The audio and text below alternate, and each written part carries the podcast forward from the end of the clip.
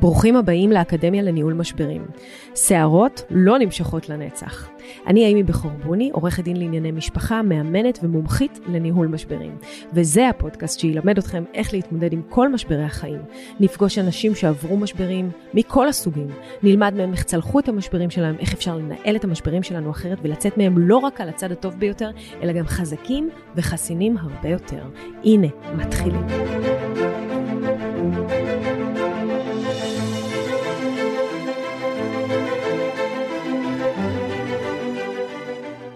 שלום וברוכים הבאים לפודקאסט של עורכת הדין נעימי בכור בוני, האקדמיה לניהול משברים.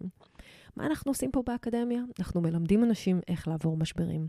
בכל פרק אנחנו מביאים משבר אחר, שמישהו אחר כבר חווה אותו, ובאופן הזה אתם לומדים איך לעבור אותו הכי בקלות. איך אנחנו יודעים שתצטרכו את זה? פשוט, כי לכולם יש משברים, ובסופו של דבר כולנו עוברים את אותם דברים. אז היום אה, בפודקאסט אחד הנושאים, לדעתי, הכי קשים בתחום דיני המשפחה, וזה הנושא של ניכור הורי. אז אה, אולי אני אסביר קודם מה זה ניכור הורי. ניכור הורי זה סיטואציה שבה אחד ההורים, ככל הנראה בתוך תהליך הגירושין, או אפילו אחרי הגירושין כבר, מתחיל להסיט את הילד בצורה שהופכת את ההורה האחר לאויב. אבל לא סתם אויב, אלא ממש מצב שבו הילד מתכחש לקיומו של ההורה האחר. זאת אומרת, ממצב שאתם הורים במשותף, חיים יחד, הילדים אה, עם שניכם, מספיק בחלוקת זמני השהות, מתחיל להתסיס נגד ההורה. אה, הכל כבר שמעתי, הייתי, היה לי תיק של אבא שסיפר לבנים שלו, אימא, יש לה הרבה גברים, היא לא אוהבת אתכם, היא אוהבת יותר את הגברים. הצליח להכניס להם ולהחדיר להם לראש שקרים על אימא שלהם עד מצב שהם לא הסכימו לא ללכת אליה, לא לבקר אותה, לא לדבר איתה בטלפון. היה תיק, אחד התיקים הקשים בתחילת דרכי אה, של אבא שעזב את הבית. היה משבר קשה בין, אה, בין ההורים, והוא עזב את הבית, והוא אכן עזב את הבית אה, כי הוא התאהב במישהי אחרת.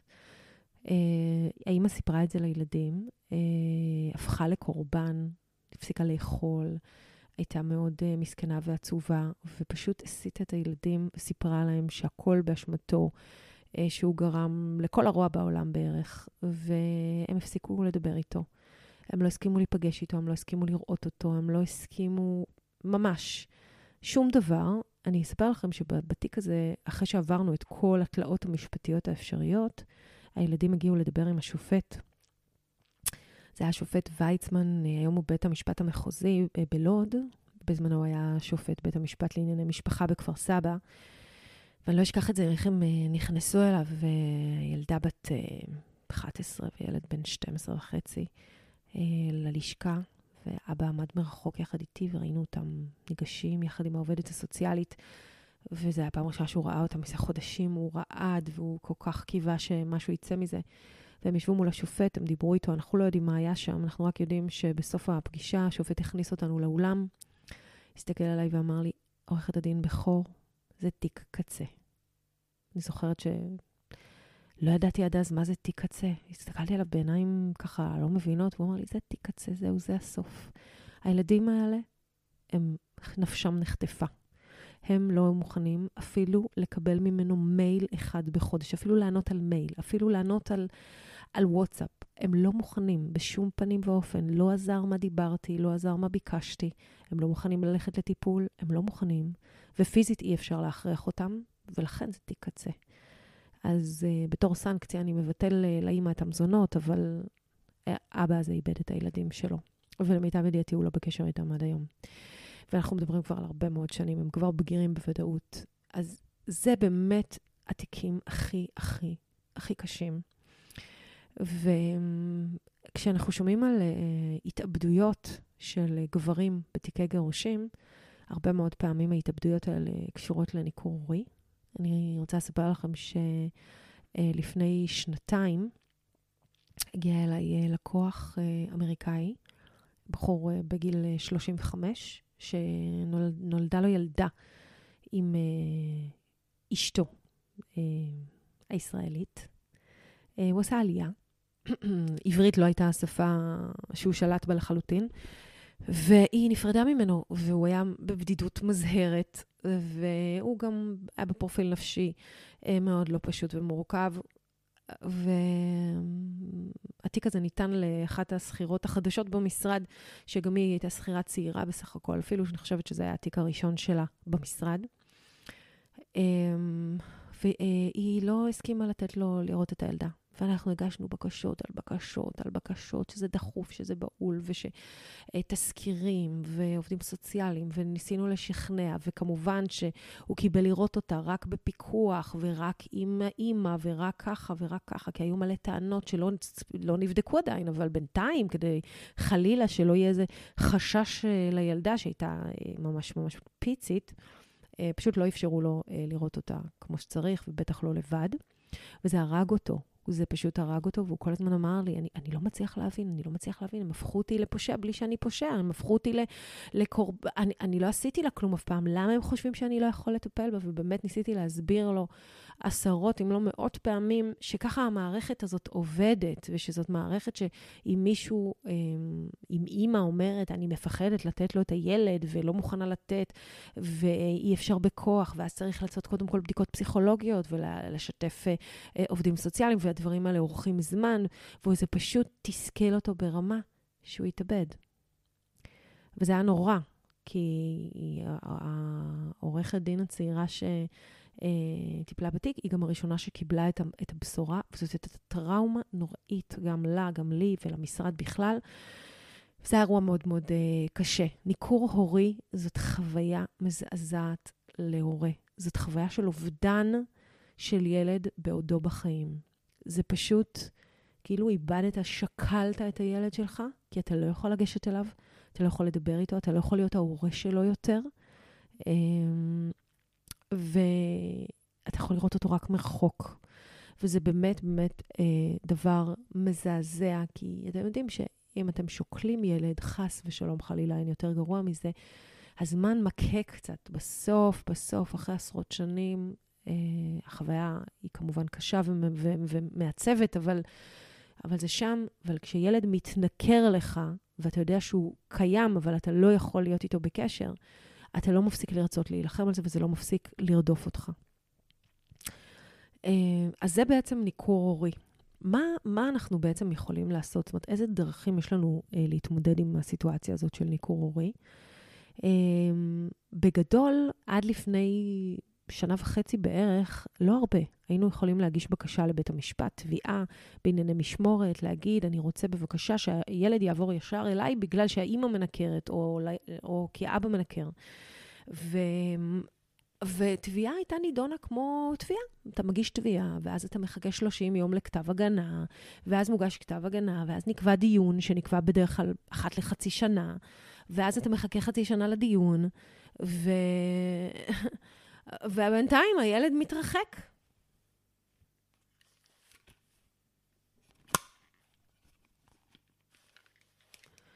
הילד uh, מתרחק, אתה מאבד זמן יקר שבו נוצר פער, שהילד רגיל בלעדיך, אתה לא יודע מה קורה לו, אתה לא יודע מה עובר עליו, אתה לא יודע כמה הוא קיבל במבחן, מי המורה שלו, אתה מנסה לדבר עם המורים, אתה רוצה להגיע לאספות הורים, הילד לא מסכים, האבא המנקר עושה דברים איומים בצד השני, או האימא המנקרת. ואתה, אה, ז, זאת הייתה ההתמודדות שלנו, ומיד בתי המשפט היו קובעים אה, מומחים שיקבעו אה, האם באמת זה ניכור הורי, בדרך כלל ממנים את שירותי הרווחה. שירותי הרווחה צריכים להגיש תזכיר, תזכיר של שירותי הרווחה לוקח שמונה חודשים, במקרה הטוב, וככה היית מאבד את הילד. הזמן היה עובר, והילד היה הולך ונעלם. אז המערכת הבינה שיש פה בעיה אקוטית, ושצריך להתייחס לזה יותר כמו אקט חירום, ושמה שופט אה, פיילוט, עשתה פיילוט, בבית תל אביב בלבד, אין את זה בשום מקום אחר בארץ. והשופט הזה, במקרה הזה זה כבוד השופט ארז שני, הוא מקבל עליו את כל התביע, הבקשות או התביעות שמוגדרות כניכור הורי. זאת אומרת, אם העורך דין כותב בכותרת את המילים ניכור הורי, זה יגיע ישירות לשופט ארז שני. השופט ארז שני, אדם חרוץ וחכם, שכבר ב-6 בבוקר נמצא בבית המשפט וקובע את הדיונים שלו גם ב-6 וב-7 וב-8 בבוקר. קובע דיון ממש בתוך יום, יומיים, ימים, כמו בצו הגנה. בצו הגנה למניעת אלימות במשפחה, בית המשפט מחויב לקבוע דיון תוך שבעה ימים, ככה השופט ארז שני מחויב, והוא קובע דיון בעניין uh, של ניכור הורי תוך uh, שבעה ימים. Um, ואכן מגיעים הצדדים, ומיד, מיד, מיד, uh, ניתנים סעדים כדי לטפל בזה. מה זה אומר? זה אומר שהשופט קובע uh, טיפול בנושא של ניכור הורי, שולח לפסיכולוג, קובע אפוטרופוס לדין, שילך לדבר עם הילד, שזה עורך דין שתפקידו ללכת מטעם המדינה ולשמוע את קולו של הילד. מה הילד אומר על העניין הזה? האם באמת הוא נשמע שהוא מדבר מגרונו של הורה אחר? האם קרה שם משהו פתאום שהוא החליט להתנתק מההורה? איפה עמדתו? איך אפשר לקדם? אמ, והוא אה, קובע לקבלת אה, חוות דעת מאותו מומחה ולהתחלת טיפול מיידי, והרבה פעמים הוא אפילו מזמין אליו לשיחה. וזה תפקידו uh, של ארז שני בעניין, וזה באמת עשה uh, שינוי בתיקים שנתפסו ככה ממש ממש ממש ממש בהתחלה, והוא אפילו הרחיק לכת, ובכמה וכמה מקרים העביר משמורת. זאת אומרת, אם ההורה המנקר לא משתף פעולה עם הטיפול, לא מביא את הילד לטיפול, כן, הילד לא רוצה, אני לא מביא אותו.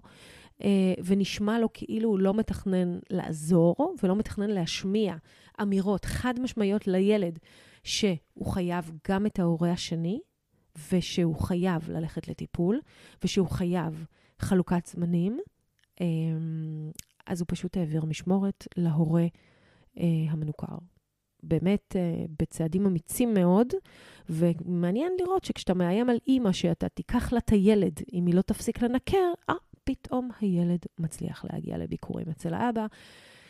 אמ, אירועים קשים מאוד. מי שמשלם פה את המחירים הגבוהים זה תמיד הילדים, כן? שיהיה ברור, הנקמה הזאת על גב הילדים, לנקר אותה מהאבא או לנקר מהאימא, זה תמיד על גב הילדים. ילדים צריכים גם אימא וגם אבא. אמ, אבל לצערי הרב, השופט ארז שני אה, הוא שופט רק במחוז תל אביב.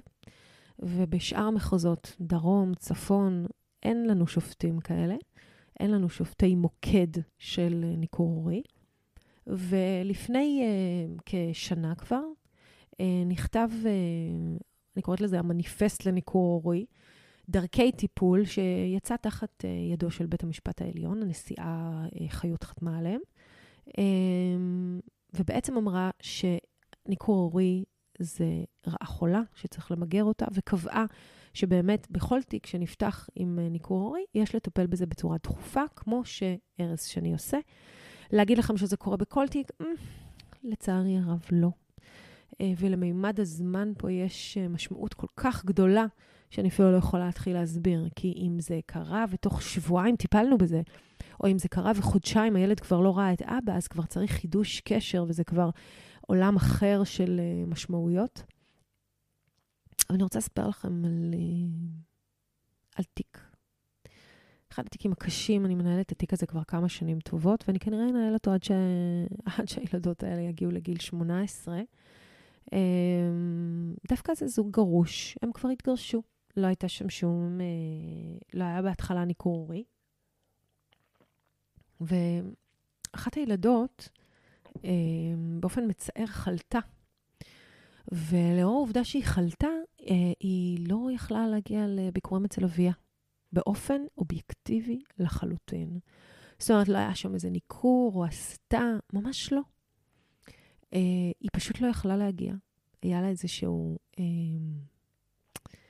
תסמונת, אני לא אכנס למצבה, שלא אפשרה את זה. והיו שם חוות דעת רפואיות, ופסיכיאטריות, ופסיכולוגיות, ורפואיות לחלוטין, שאומרות שהיא באמת, באמת, באופן מצער, כרגע לא יכולה לעזוב את uh, חדרה ואת ביתה. Um, נכנסה קורונה, זה עזר לסיטואציה, כי ממילא היא לא יכלה ללכת, והיא גם לא רצתה לצאת בעוצר, וכי היו המון חרדות סביב זה. ו... וזה מה שהיה. הילדה הזו לא יכלה להגיע לביקורים. האבא ניסה לטעון אה, ניכור הורי, ניהלנו הליך, הוכחנו באופן, באמת, חד משמעית, שהאימא לא מנכרת, היא מוכנה שיעשו זום, שיעשו סקייפ, שיבוא לבקר אותה אצלה בבית, הכל טוב, רק הילדה לא, היא כרגע לא יכולה, בשל מחלתה, אה, לצאת מהבית. אה, אבא לא קיבל את זה. ומה שהוא עשה, זה הדבר הכי נבזי שיכולים לעשות. יש עוד ילדה.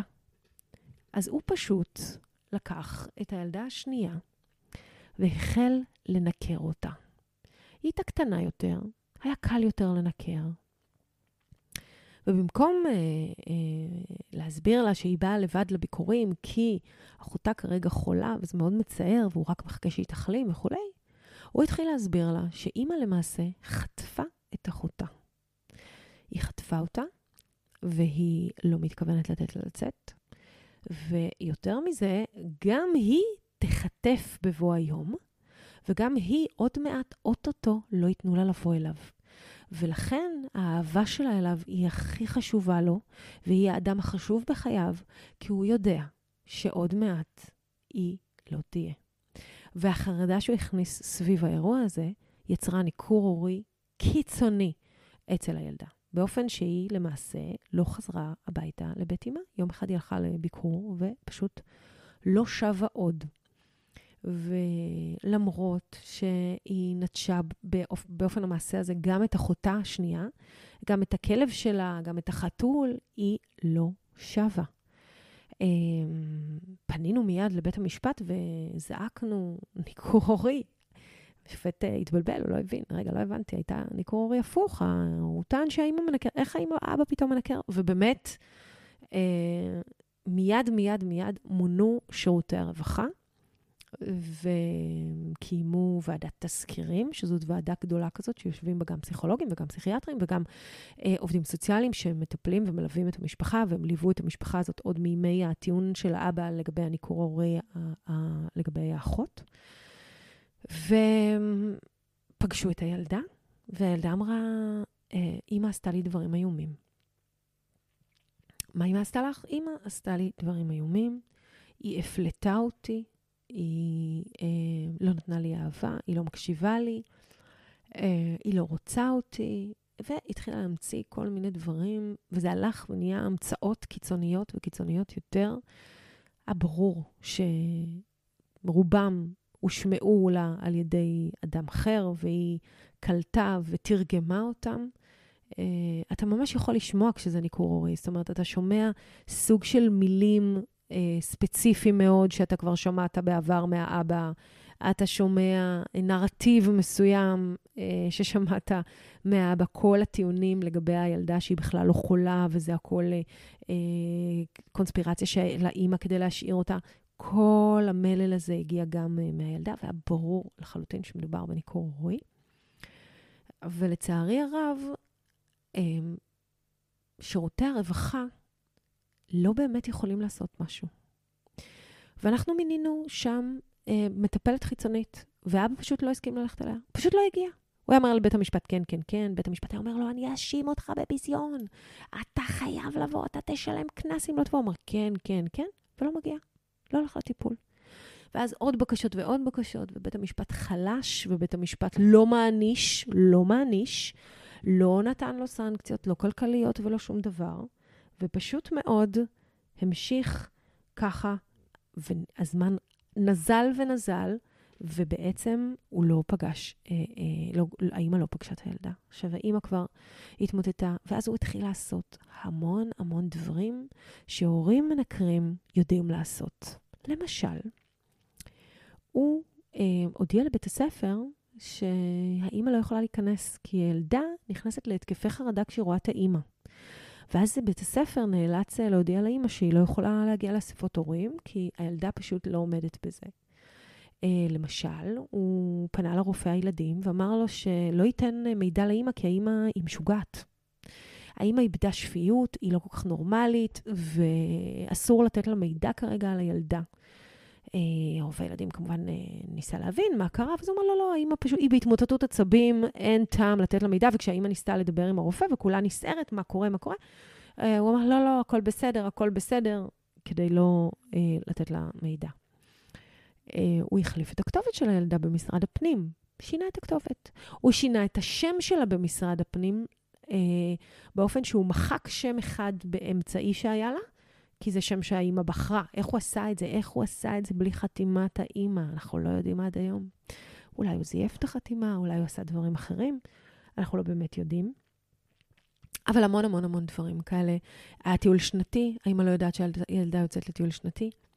האמא מחוברת למשוב, פתאום היא רואה צניחה בלימודים, חיסורים, חיסורים, חיסורים, חיסורים.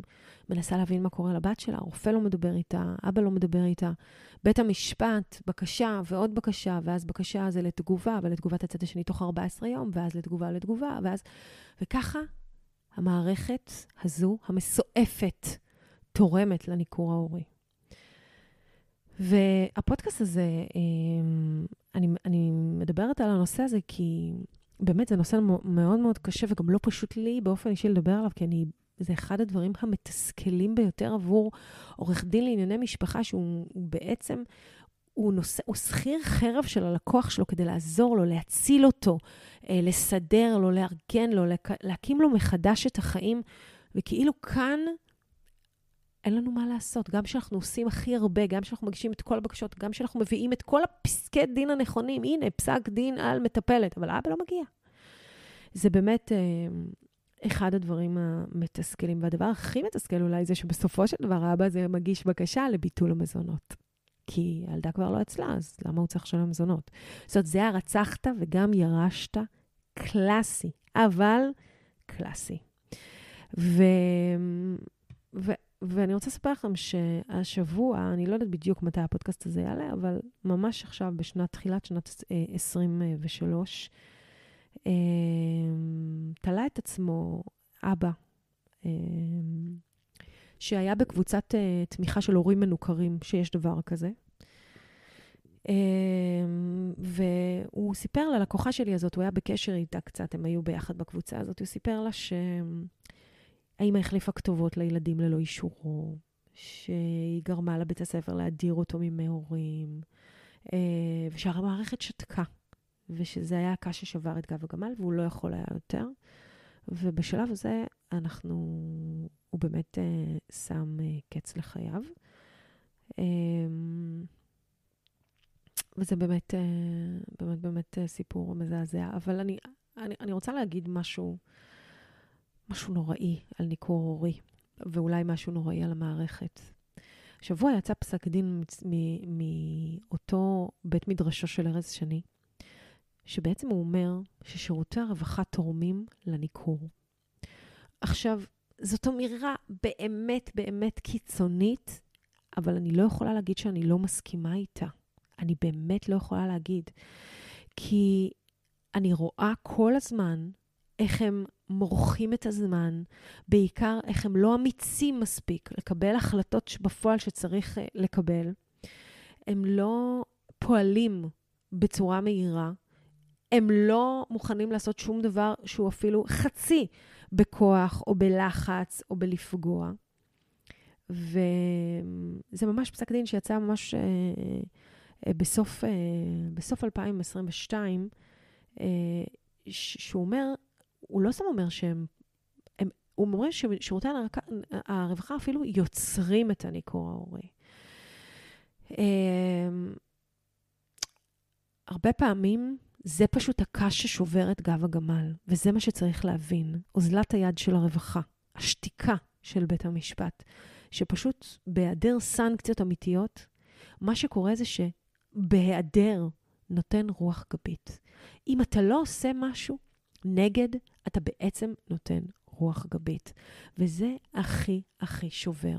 כשכבר אתה הורה מנוכר, ואתה אומר, הנה אני עושה את זה, אני לוקח עורך דין הכי טוב שאני יכול, ואני מגיש את הבקשות הכי מהירות והכי חריפות, ואני מוכיח בראיות חד משמעיות שיש ניכור הורי, ואפילו יש לי כבר מומחה שאומר שזה ניכור הורי. ובית המשפט לא עושה עם זה כלום. ואתה מצפה שברגע הזה שאתה מוכיח את הטענות שלך, שאתה מראה לעולם שיש ניכור הורי, שמישהו יעשה משהו, שמישהו יושיט יד ויציל את הילד שלך. יציל אותו מפני האדם שגזל אותו ממך. ואז המערכת הזאת לא עושה כלום, או לא עושה מספיק, או אומרת לך, רגע, אולי זה באשמתך. שנייה. אולי אה, לא חיבקת אותו מספיק. אולי, אולי, אולי רבתם הרבה וזה פשוט, זה פשוט גיל ההתבגרות, והוא בא לו ללכת. אולי אה, את לא מספיק סבלנית אליו, אולי לא האמנת בו מספיק. אתם יודעים, אנשים שאומרים כאלה שטויות להורה מנוכר, הם לא רק בבחינת אדיוטות, שבמילים שלהם הם גורמים להורה המנוכר תחושה שאפילו, זה קצת, אני, אני אגיד לכם כמו מה זה, זה כמו זו שנאנסה, ואז שואלים אותה, תגידי, אולי המיני שלך היה ממש ממש קצר? ממש. אולי פיתית אותו? באמת? זה מה שהייתם שואלים קורבן אונס? זה מה שאתם שואלים מורה מנוכר? אולי כי לא הייתי סבלנית אליו, אז בגלל זה הוא ויתר עליי כאימא, שילדתי אותו, גידלתי אותו, האכלתי אותו, הענקתי אותו, טיפלתי בו, תמכתי בו עד היום. לא בגלל שפתאום ההורה השני החליט להפקיע אותי מהחיים שלו, מילא את הראש שלו, שטף את מוחו. ניכור הורי זה הדבר הכי, הכי, הכי נורא. הכי נורא. וגם אם ברווחה אתה לא מקבל את ההבנה ואת האמפתיה הזאת, אז לפחות שהקרובים שלך ידעו שאין דבר כזה ניכור הורי כי הילד בחר בו. אין דבר כזה. והאימא הזאת, שסיפרתי לכם עליה קודם, ששתי הבנות שלה בסופו של דבר התפצלו ואחת מהן מנוכרת, היא אמרה לי, אימי, אני רוצה שתדעי שהדבר הכי קשה זה שהחברים או הקרובים שואלים את השאלות האלה. כי אז אנחנו גם צריכים להוכיח בבית שלנו שאנחנו בסדר. לא רק ברווחה ולא רק בבית המשפט. אמ, ואז היא סיפרה לי שההורה הזה שתלה את עצמו, האבא מחולון, שזה פורסם בכל, בכל החדשות בגלל ניכור הורי, היא סיפרה לי שהאימא החליפה את המספרי טלפון לילדים כדי שהוא לא יוכל להתקשר אליהם. ובית המשפט גיבה את זה. גיבה את זה. מה זה גיבה את זה? גיבה את זה, זה אומר, לא עשה כלום. לא בא ואמר, תקחי את הטלפונים האלה, תזרקי אותם לפח. עכשיו האבא נותן אה, מיד טלפונים אחרים, וזה הטלפונים, ואת דואגת שהם יענו להם. אמ, סיפור, הסיפורים האלה הם אף פעם לא קלים. הסוף שלהם אף פעם לא טוב. אז יש לנו אה, כמה מומחים שאנחנו יודעים מאוד לסמוך עליהם בניכור הורי ויודעים לעשות עבודה, אבל הדברים לא חוזרים לקדמותם, והילדים האלה נשארים שרוטים, והמחיר שהם משלמים הוא אדיר, וזה סיוט שבאמת אי אפשר לאחל לאף אחד. אה, ויש הרבה דילמות, כי אתה לא יודע על מה לשתוק ומה כן להגיד, ואם תיקח לבית המשפט אם המצב לא יהיה יותר גרוע, ואם תילחם אם המצב לא יהיה יותר גרוע ואז תאבד בכלל את הילד, או שעדיף להילחם, כי אז לפחות הילד ידע, אולי כשהוא יגדל הוא יחפש את החומר וידע שהיה סיבה להילחם עליו ושנלחמת עליו, ושאתה רוצה אותו. ואז אולי זה יחזור בגיל יותר מאוחר. באמת שאין לדעת. על דבר אחד אני כן יודעת. בית המשפט חייב להפסיק להיות רחמן כלפי הורים מנקרים. צריך להתחיל לעשות פה ענישה אמיתית, אמיתית, קשה וכואבת, אה, ולא רק לאיים. יש הרבה איומים, בית המשפט מאיים, אני אקח לך את הילדים, אני אוציא אותם לאומנה, תוציאו את הילדים. כן, זה נורא? כן, זה נורא. אבל הם, ברגע שדברים קיצוניים יתחילו לקרות, יהיה פחות ניכור הורי. אה, זהו, אה, זה באמת uh, המשבר של uh, ניכור הורי. עד כמה שזה נורא, אנחנו יודעים לטפל בזה, עדיף לתפוס את זה כמה שיותר מהר ועל ההתחלה. ויש גילאים שזה ממש ממש קשה כבר, זאת אומרת, שאם זה קורה בגיל ההתבגרות, מאוד קשה. Um, שימו יד על הדופק, תהיו שם, תהיו על זה. Uh, אם זה קורה, לא לוותר. כמה שיותר מהר ללכת לעורך דין, כמה שיותר מהר לפנות לבית המשפט, כמה שיותר מהר לדאוג לטיפול. זהו, עד כאן ניכור הורי. אה, מקווה שתרמתי לכם, ואתם יודעים, בסוף שערות לא נמשכות לנצח. גם זה בסוף עובר, הילדים האלה גדלים, הופכים להיות מבוגרים, ואז יש גישה קצת אחרת אליהם. תודה שהקשבתם, תודה שהאזנתם. אם תרמתי לכם, אנא, שתפו את הפודקאסט הזה. אנחנו כאן גם באינסטגרם, גם בבלוג. ביי.